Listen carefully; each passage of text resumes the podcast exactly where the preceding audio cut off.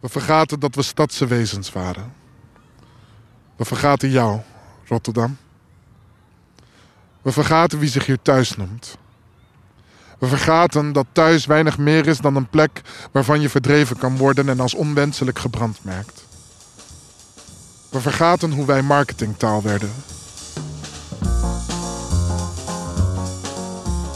Dit is Stadswandelingen, een podcast van Erasmus Verbind, waarin we kijken hoe het in Rotterdam loopt. Tijdens onze wandelingen spreken we met Rotterdamse wetenschappers en inwoners over wat er nu echt in de stad leeft. We gaan van het oude noorden tot Rotterdam Zuid en van het nieuwe westen tot de oosterflank.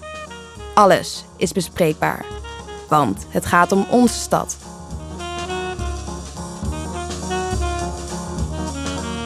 In deze aflevering wandelt onze Hugo samen met stadssocioloog Gwen van Eyck en de Rotterdamse stadsdichter Dien Bowen door de Tweebosbuurt langs Afrikanerplein richting Katendrecht. Ze hebben het over gentrificatie, een fenomeen dat de hele stad bijna letterlijk op zijn kop zet. Hoog tijd dus om het daar eens goed over te hebben. Mijn naam is Claire en ik ben de host van Stadswandelingen. Schoenen aan, veters vast, we gaan de stad in.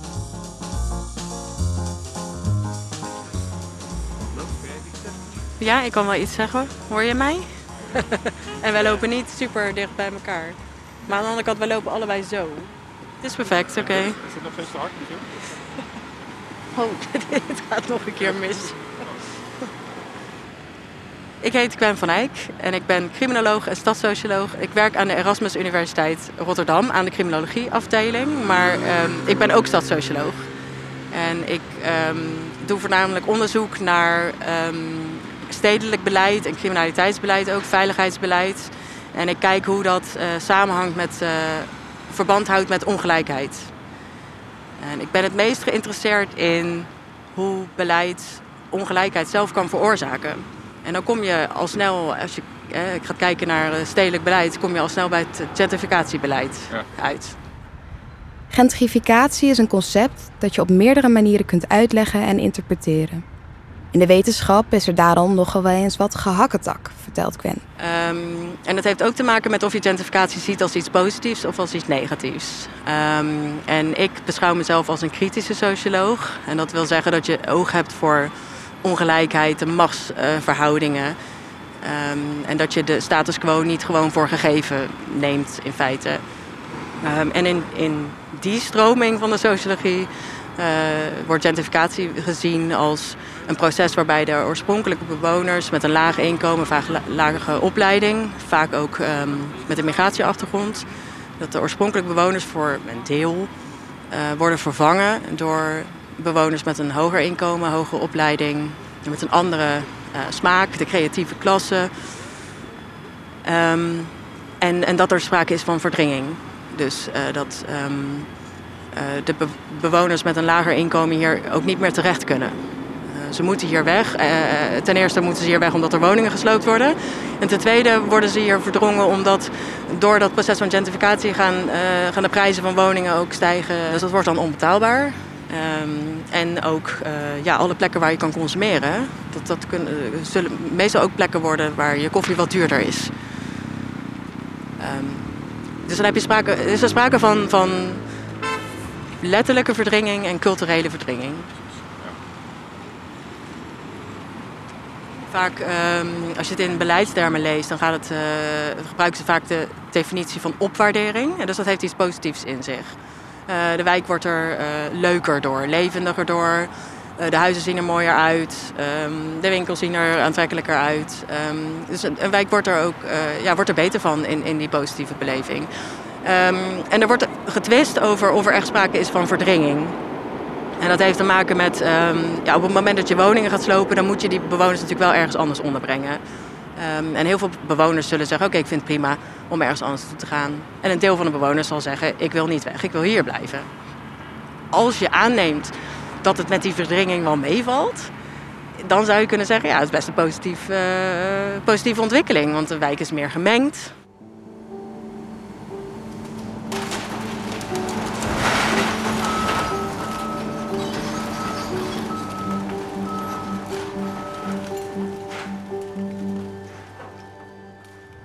Wat ik zag ehm, in veel grote steden. ehm, Dit is Dean Bowen. was een verschuiving van, eh, van de mogelijkheden die veel vrienden van me hadden om toegang te krijgen tot, ehm, tot bepaalde omgevingen.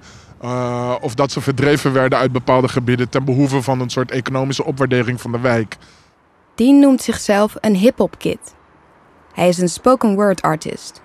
Maar bovenal een Rotterdammer met hart voor de stad. Op een gegeven moment maakt hij kennis met het fenomeen gentrificatie. Eh, en ik wilde heel graag eh, onderzoeken wat dat dan precies was. Want ik herkende op een gegeven moment bepaalde patronen waarin je zag dat ehm, in bepaalde wijken in verschillende steden waar er eh, redelijk goedkoop gewoond nog kon worden. Eh, dat er veel kunstenaarsvrienden bijvoorbeeld van mij aanwezig waren. eh, dat dat ehm, het aanzien van zo'n wijk heel vaak kon helpen veranderen. En dat daar vervolgens op ingesprongen werd door mensen die wel het geld hadden om zo'n wijk eh, te hercontextualiseren. ehm, en, en daarmee andere, ehm, andere mensen aan te trekken. Waarmee de bewoners die er, die er soms al generaties zaten, eh, verdreven werden. En dat proces is problematisch. Vooral denk ik in, eh, in de grootstedelijke context vooral. En ehm, ja, ik ben toch altijd opgegroeid met het idee, of opgevoed met het idee dat wanneer je je daar bewust van wordt, dat je daar dan eh, ehm, iets van moet zeggen. Ja. Dus het is eigenlijk al vanaf helemaal in het begin altijd een negatief geladen begrip geweest voor jou. Gentrificatie was al, eh, was vanaf het begin eigenlijk al een, een zeer politiek geladen woord. Ehm, met daarmee dus ook wel echt negatieve connotaties. Alleen wat dat concreet vaak betekent, wat je vaak ziet gebeuren, worden eerst mensen die ook goedkope woning nodig hebben, maar vaak in een ander soort demografie zitten, worden ze aangetrokken. Dus denk aan eh, bij leegstand, eh, dan heb je anti-kraak-organisaties die halen heel veel studenten bijvoorbeeld naar zo'n gebied toe. Heel veel kunstenaars kunnen er ateliers op zetten. Dus je krijgt al eh, heel veel een shift in, eh, dus, eh, in vaak de soort mensen die aanwezig zijn in zo'n gebied. Wat dat dan ook met zich meebrengt zijn alternatieve behoeftes. Doordat er in die behoeftes wordt voorzien, eh, ontstaat er eigenlijk een soort feedback loop die ehm, de omstandigheden creëren waarin bepaalde gebieden opeens ehm, interessant kunnen worden voor mensen die investeringsmogelijkheden zien.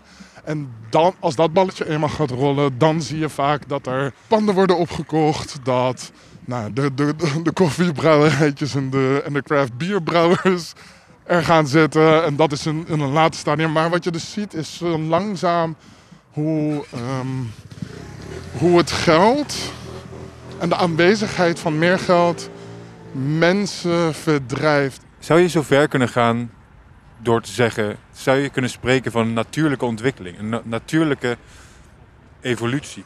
Ik zou willen zeggen nee. En ja, ja, omdat we de omstandigheden creëren waarin dit proces eh, eigenlijk ja, praktisch vanzelf lijkt te gaan. Het is ehm, in.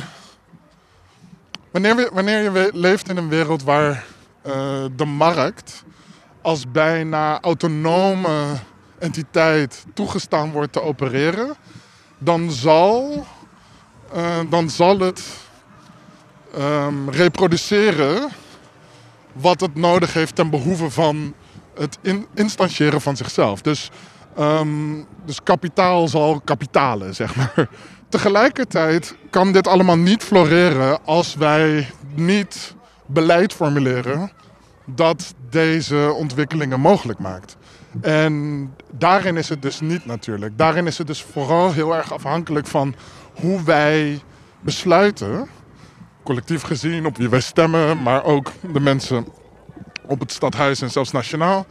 ehm, hoe we nadenken over eh, wat we denken dat een stad is. Je zou kunnen zeggen, in Nederland eh, bestaat er geen spontane gentrificatie. Ehm, natuurlijk heb je wel gebieden waar de huizenprijzen kunnen oplopen en zo. Maar het meeste gentrificatie wat je ziet, is dat, dat is beleid. Dat is bewust beleid om een, om een gebied uh, te transformeren, zoals hier. En daar, dan, dan heb je het dus over woningen, de publieke ruimte, de voorzieningen, de winkels. Dat hoort daar allemaal bij. Gwen en Hugo maken onderweg een korte stop op het Afrikanerplein, waar ze hebben afgesproken met Mustafa Essaouien. Um, kun je iets vertellen over Mustafa? Hij is een uh, bewoner van de Tweebosbuurt, de buurt die dus uh, gesloopt wordt, waar duurdere woningen komen. Um, en hij uh, is een van de bewoners die zich daartegen verzet. Uh, nou, ik woon nu in de Tweebosbuurt en uh, je ziet dat uh, datgene wat ze op Katendrecht hebben weten te bereiken in negatief opzicht ook willen doorvoeren, doorvoeren hier in de Afrikanerwijk. Afrikanerwijk is een, van oudsher eigenlijk een, een, arbeiderswijk. En ik woon hier ook al ruim 30 jaar in totaal. En je ziet dat we steeds meer, de mensen die hier heel lang wonen, verdreven worden uit hun eigen buurt en uit hun eigen wijk. Dus we gaan naar, steeds meer naar de, de randgemeentes toe. En ja, de, de, de, welgestelden nemen steeds meer de hotspots over, waar natuurlijk veel voorzieningen zijn en makkelijk openbaar vervoer te vinden is. En ja, er wordt minder welgestelden worden verjaagd. Ik, ik kwam in januari 2018 in de Tweebosbuurt wonen. En dat was omdat mijn moeder er ook al woonde. Mijn moeder was hulpbehoevend. Die woont, ja, woonde op een paar honderd meter van me vandaan. En zes maanden later kreeg ik de brief van ja, je wordt geacht weer te gaan verhuizen. Dus dat was wel heel kort achter elkaar. dacht ik, ja, kon je dat niet eerder vertellen? En, en, na verloop van tijd, toen ik eigenlijk in het dossier ben gaan duiken, toen kwam ik erachter waarom ik eigenlijk weg moest. Dat had onder andere ook te maken inderdaad met je, met je inkomen. Uh, je wordt geacht om plaats te maken voor iemand anders die een dikkere portemonnee heeft. En dat heeft wel heel veel kwaad bloed bij mij gezet, ja. Ja, dat snap ik. Dat snap ik heel goed. Want in, hoe moet ik dat praktisch zien? Je krijgt gewoon een brief op de mat. Daar, daarin staat... Uh vertrekken maar. Ja, dat was eh, de zogenaamde sloopbrief geweest. En uh, er was een collegebesluit genomen. Dus het besluit was al door de verhuurder Vestia genomen. En toen was het besluit ook in, de, in het college genomen. En toen werden wij geïnformeerd. En ik vind dat een hele verkeerde gang van zaken. Als jij iets, buurt, als jij iets wil met een buurt, hoor jij de bewoners netjes te informeren, ruim op tijd. Want herstructureringsplannen uh, kunnen van positief invloed zijn op de buurt als je de bewoners er vroegtijdig bij betrekt. En nu is het gewoon, ja, het wordt over, heen, uh, over je heen uitgestrooid en je hebt maar te tekenen bij het kruisje. En wegwezen. Dat was eigenlijk de boodschap. Je moet verhuizen. Je, je woning wordt gesloopt. Stond er letterlijk in. Je moet verhuizen. En hadden ze al een, uh, een bestemming voor je in gedachten? Nee, nee, nee. Het, het, was zelfs in het begin zo erg. je kreeg slechts twee woningen aangeboden en daar moest je op reageren. Deed dat niet, dan, ja, dan gingen ze je niet meer verder helpen met het zoeken van een andere woning. En het was net voor de zomervakantie. Deden ze een woning aanbieden terwijl je op vakantie was. Werd je geacht om iemand anders te machtigen die namens jou de woning ging bezichtigen. Ja, staat er letterlijk in. En, uh, en dan moest die persoon besluiten of jij die woning wel of niet zou, gaan, zou gaan nemen. Dus het werd, er werd heel veel enorm druk gezet om mensen om, om, om te laten verhuizen. Toen heb ik vanaf dat moment eigenlijk heel slecht geslapen. Het, ja, ik voelde me echt gewoon gediscrimineerd. In eerste instantie alleen omdat ik dacht dat ik uh, uh, op basis van mijn inkomen weg moest. Hè, dat er ruimte gemaakt moest worden voor sociale stijgers in de buurt of uit de buurt of ergens anders vandaan. Ik weet niet precies waar ze vandaan moeten komen. Maar later bleek ook dat mijn etnische afkomst een rol speelde. En uh, ja, dat, dat, heeft, dat heeft heel veel, heel veel teweeg gebracht. Ja, dat snap ik. Want wat is je etnische achtergrond? Geboren in Marokko, getogen in Rotterdam. Vanaf baby, dus ik was een jaar toen ik naar Nederland toe kwam. En hoe kwam je erachter dat dat een, een reden was voor, voor hen? Het stond in, in een document dat uh, Vestia heeft overgenomen. Het document van het Nationaal Programma Rotterdam-Zuid. Die heeft in 2013 een document opgesteld. Dat noemen ze het handelingsperspectief van de Afrikanerwijk. Hè, dus het perspectief wat ze hebben op de Afrikanerwijk. En daar stond er in, in dat document stond een van de negatieve associaties bij de wijk. Zijn drukte, parkeren en allochtonen. Dus dacht ik, oh, dus ik ben een negatieve associatie van de wijk, bij de wijk. Ja, dat kan, niet, kan je niet. Jij, A1, iemand schrijft het op. En de advocaat van Vestia neemt het over zonder erbij na te denken. Stuurt het zomaar naar het gerechtshof in Den Haag. Ja, daar hebben twee mensen zitten te slapen. Enorm zitten slapen. Maar ja, het heeft wel uh, En dat heeft mij in ieder geval heel veel kwaad, uh, heel veel pijn gedaan, laat ik het zo zeggen. Ja, dat begrijp ik. En er wordt actief beleid opgemaakt. Ja. En dat uh, zie je ook als je dan verder gaat duiken in, in de stukken. Dat ze gebruik maken van de zogenaamde leefbarometer. Nou, daar staat het ook in dat een van de indicatoren die uh, bepaalt of een buurt leefbaar is of niet. Ja, je nationaliteit en je immigratieachtergrond. Dus als, als je niet, als niet-westers gezin in een buurt woont en je krijgt dus kinderen dan worden dus die geboren uit een niet-westerse gezin. betekent automatisch een verslechtering van de buurt. Ja, dat is toch ongehoord. Dat kan toch niet. Maar het staat er wel. Je hebt er wel mee te dealen.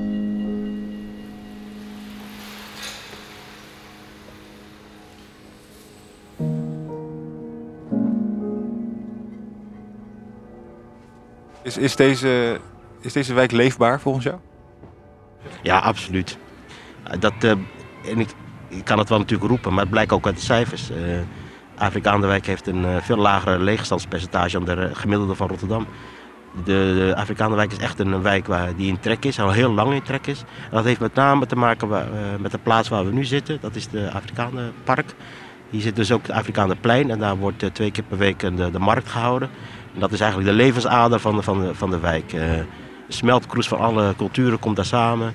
En de mensen zijn er echt ook afhankelijk van hun, uh, van hun dagelijkse vitamines.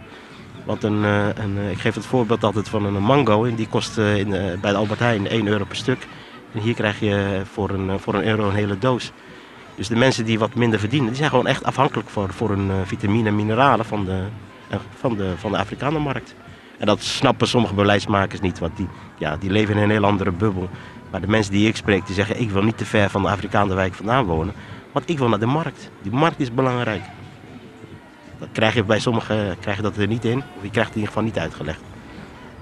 En, en wat kan jij doen aan deze problematiek? Wat, wat, wat, zit je met, met, met je handen in het haar of denk je...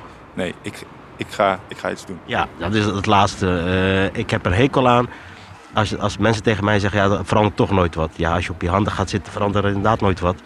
Dus je moet in opstand komen en je moet je organiseren, je moet je verenigen.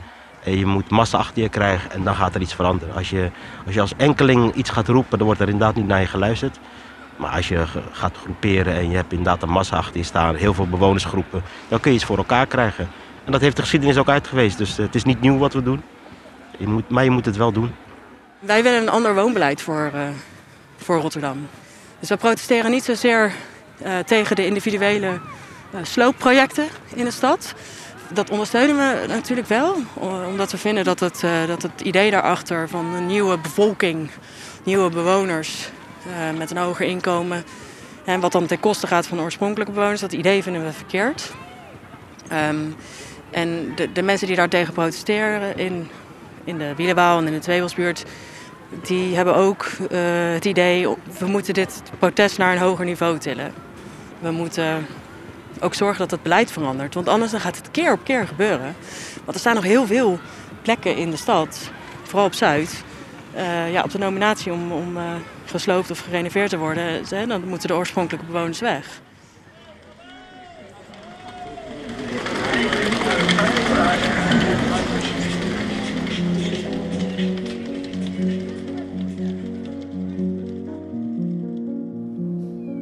Vergat mijn plek. Of misschien interesseerde het me geen fuck, we vergaten dat sommige buren dromen van weinig meer dan wat vierkante meters in de stad zonder dreigende exodus. We vergaten de exodus. De Rotterdamwet. We vergaten hoe we zeiden dat er hier geen plek voor iedereen. We vergaten drie opties: wooncarrières en beleidsambities. Ik vergat mijn schuld. En het gewicht ervan op mijn hoofd. Ik vergat mijn hoofd. En hoe ook deze de stad verkoopt als cultureel exportproduct. Ik vergat mijn pen en mijn poëzie. Het verhaal van Mustafa is een treffend voorbeeld van wat er misgaat in het Rotterdams woonbeleid. Dit is hoe de Rotterdamwet, die al in 2006 werd ingevoerd, in de praktijk werkt. De wet maakt het namelijk mogelijk om mensen die een bijstandsuitkering ontvangen en minder dan zes jaar in Rotterdam wonen, te weigeren voor een nieuwe huurwoning. De Rotterdamwet is onlangs, na grote ophef, aangepast. Maar blijft controversieel. Mustafa's verhaal is daarom voordien niet verrassend. Maar toch raakt het hem. Nou ja, dit, dit voorbeeld, eh, ja, dat, dat is insane. Ehm, maar ik herken het absoluut. Ik herken het in, in, in mijn eigen wijk, Carnisse, waar ik, eh, waar ik zit.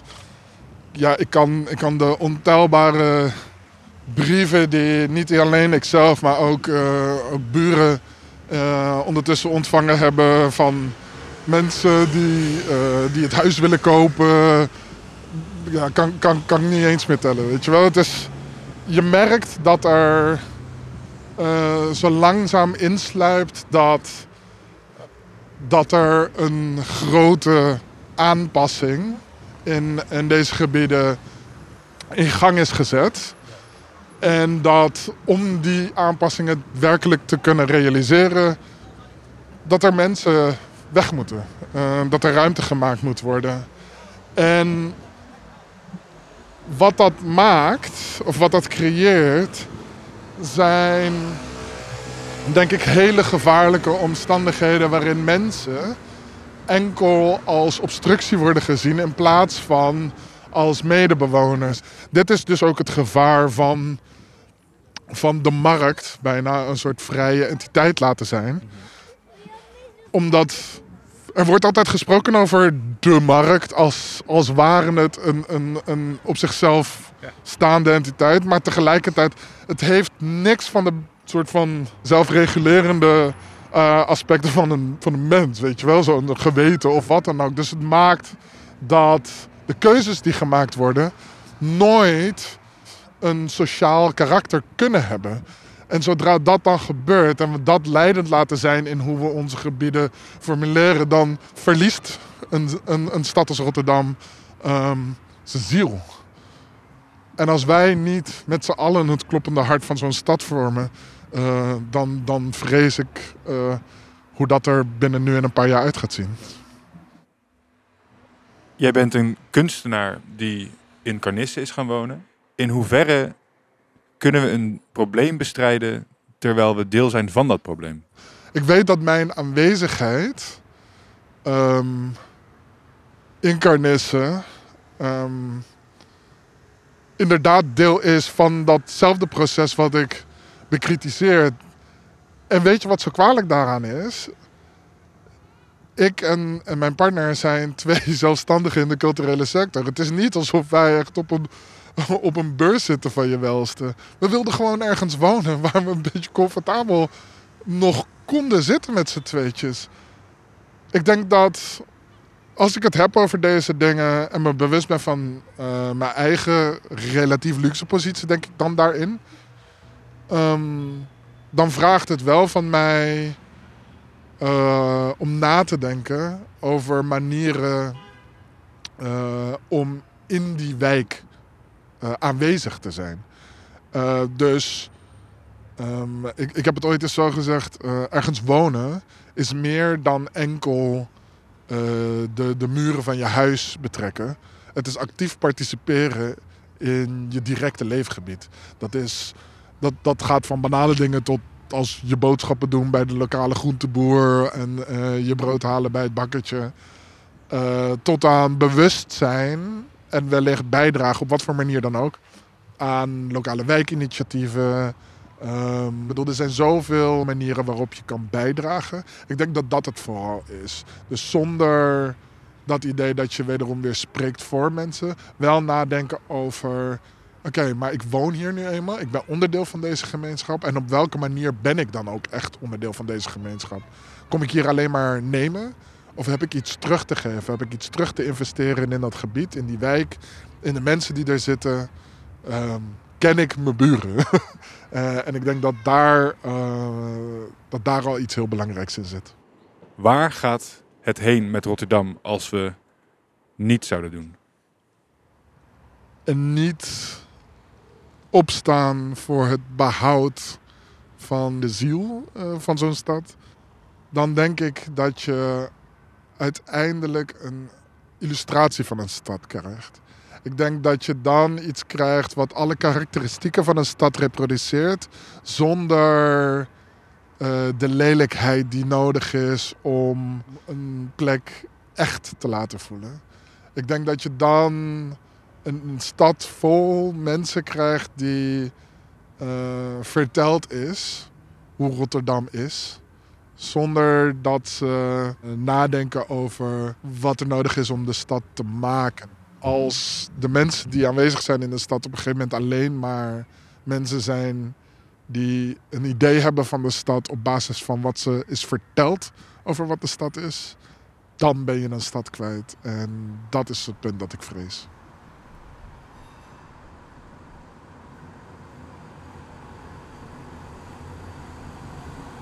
Ik zou toch willen pleiten voor wat ik eerder al noemde, die, die, een, een duurzamere benadering ehm, van, uh, van hoe ze op dit moment beleid aan het formuleren zijn.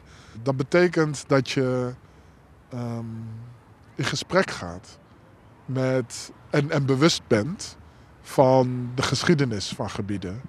Um, want als alles constant nieuw moet, dan, dan heb je op een gegeven moment geen fundering meer waarop dat nieuwe rust. En ik zou wensen dat de volksvertegenwoordiging van deze stad zich altijd bewust is, of altijd bewust blijft, van op welke fundering het rust. Verandering als zodanig hoeft niet per se slecht te zijn natuurlijk. Het gaat er alleen om wat voor verandering je kiest te bewerkstelligen. Ja, en dat je vooral als volksvertegenwoordiging bewust bent van uh, wie daar de gevolgen van ondergaat.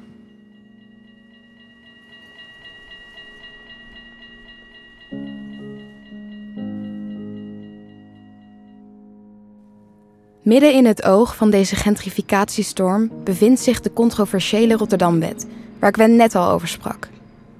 Maar hoe heeft het zover kunnen komen? Er is heel veel uh, discussie over geweest. Uh, en nog steeds. ja, 2005. Nou, het idee ontstond al in 2003.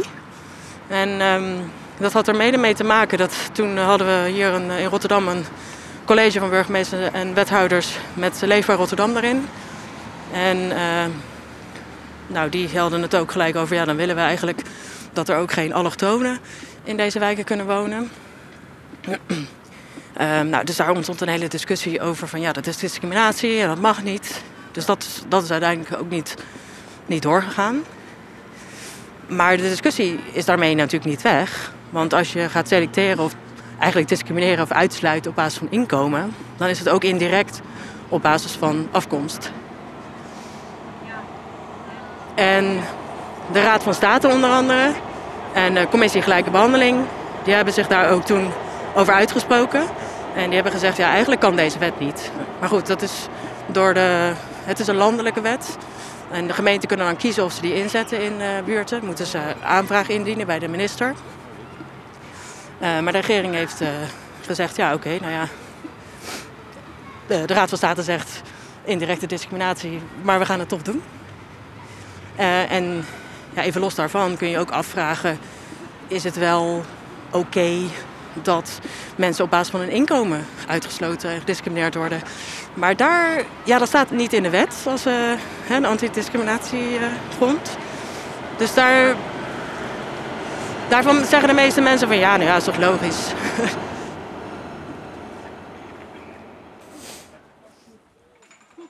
en, en het klinkt heel onhumaan. Ja, dat is het in feite ook. Omdat je zegt, ja, um, er zijn leefbaarheidsproblemen in een bepaalde wijk.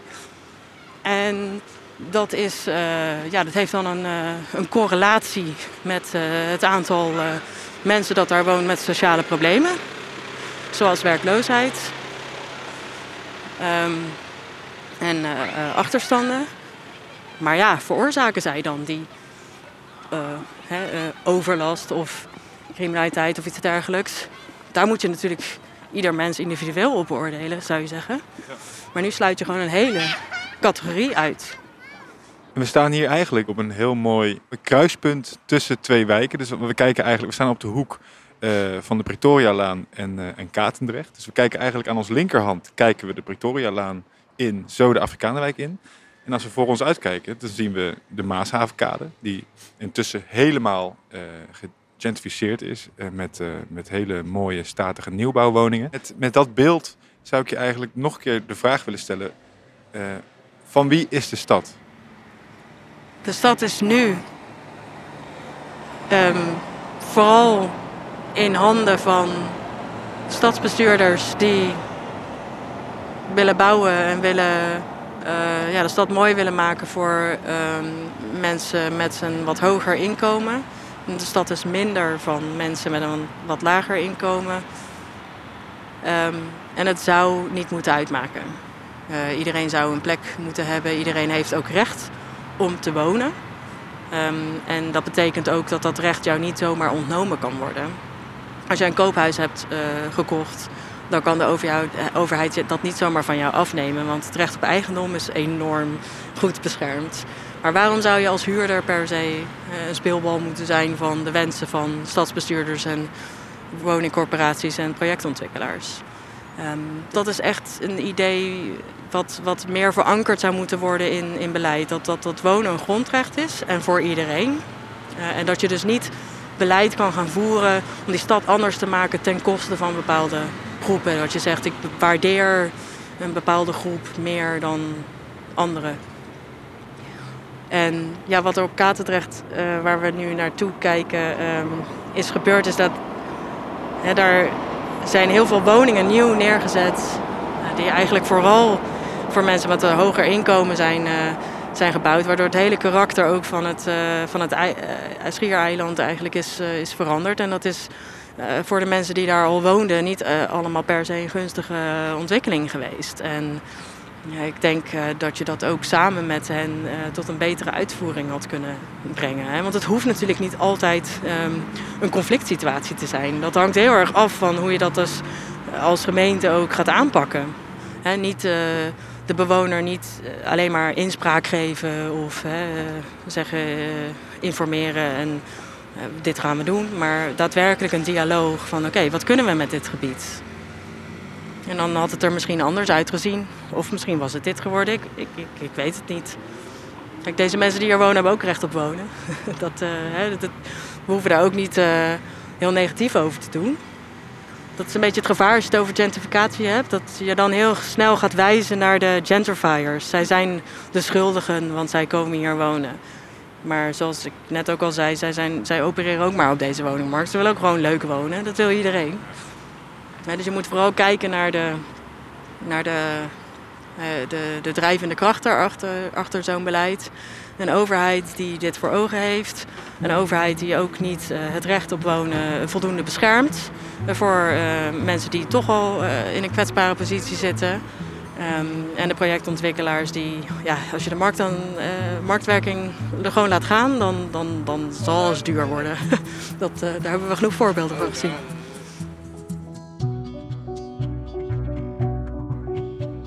We vergaten dat sommige buren blijven vechten voor hun plekje in deze stad. We vergaten dat sommigen enkel aandacht hebben voor drie opties: wooncarrières en beleidsambities. Of misschien interesseert het ze geen fuck. Weet je, soms vergeet ik hoe moeilijk het is om te onthouden.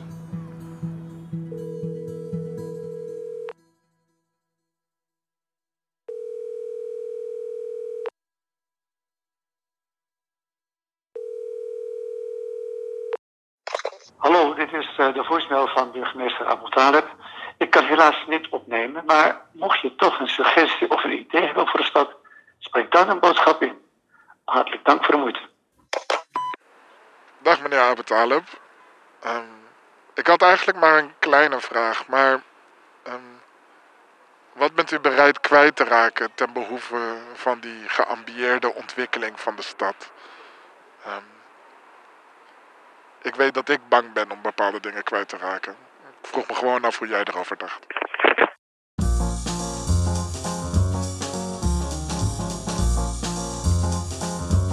Je luisterde naar Stadswandelingen, een podcast van Erasmus Verbindt en een initiatief van studenten van de Erasmus Universiteit. Eindredactie door Max Vassink. Redactie Eddie Adelmunt, Isabel Bruistens, Melissa Ersoy, Roos van der Velde en Julia Wetstein. Interview door Hugo van der Kooi.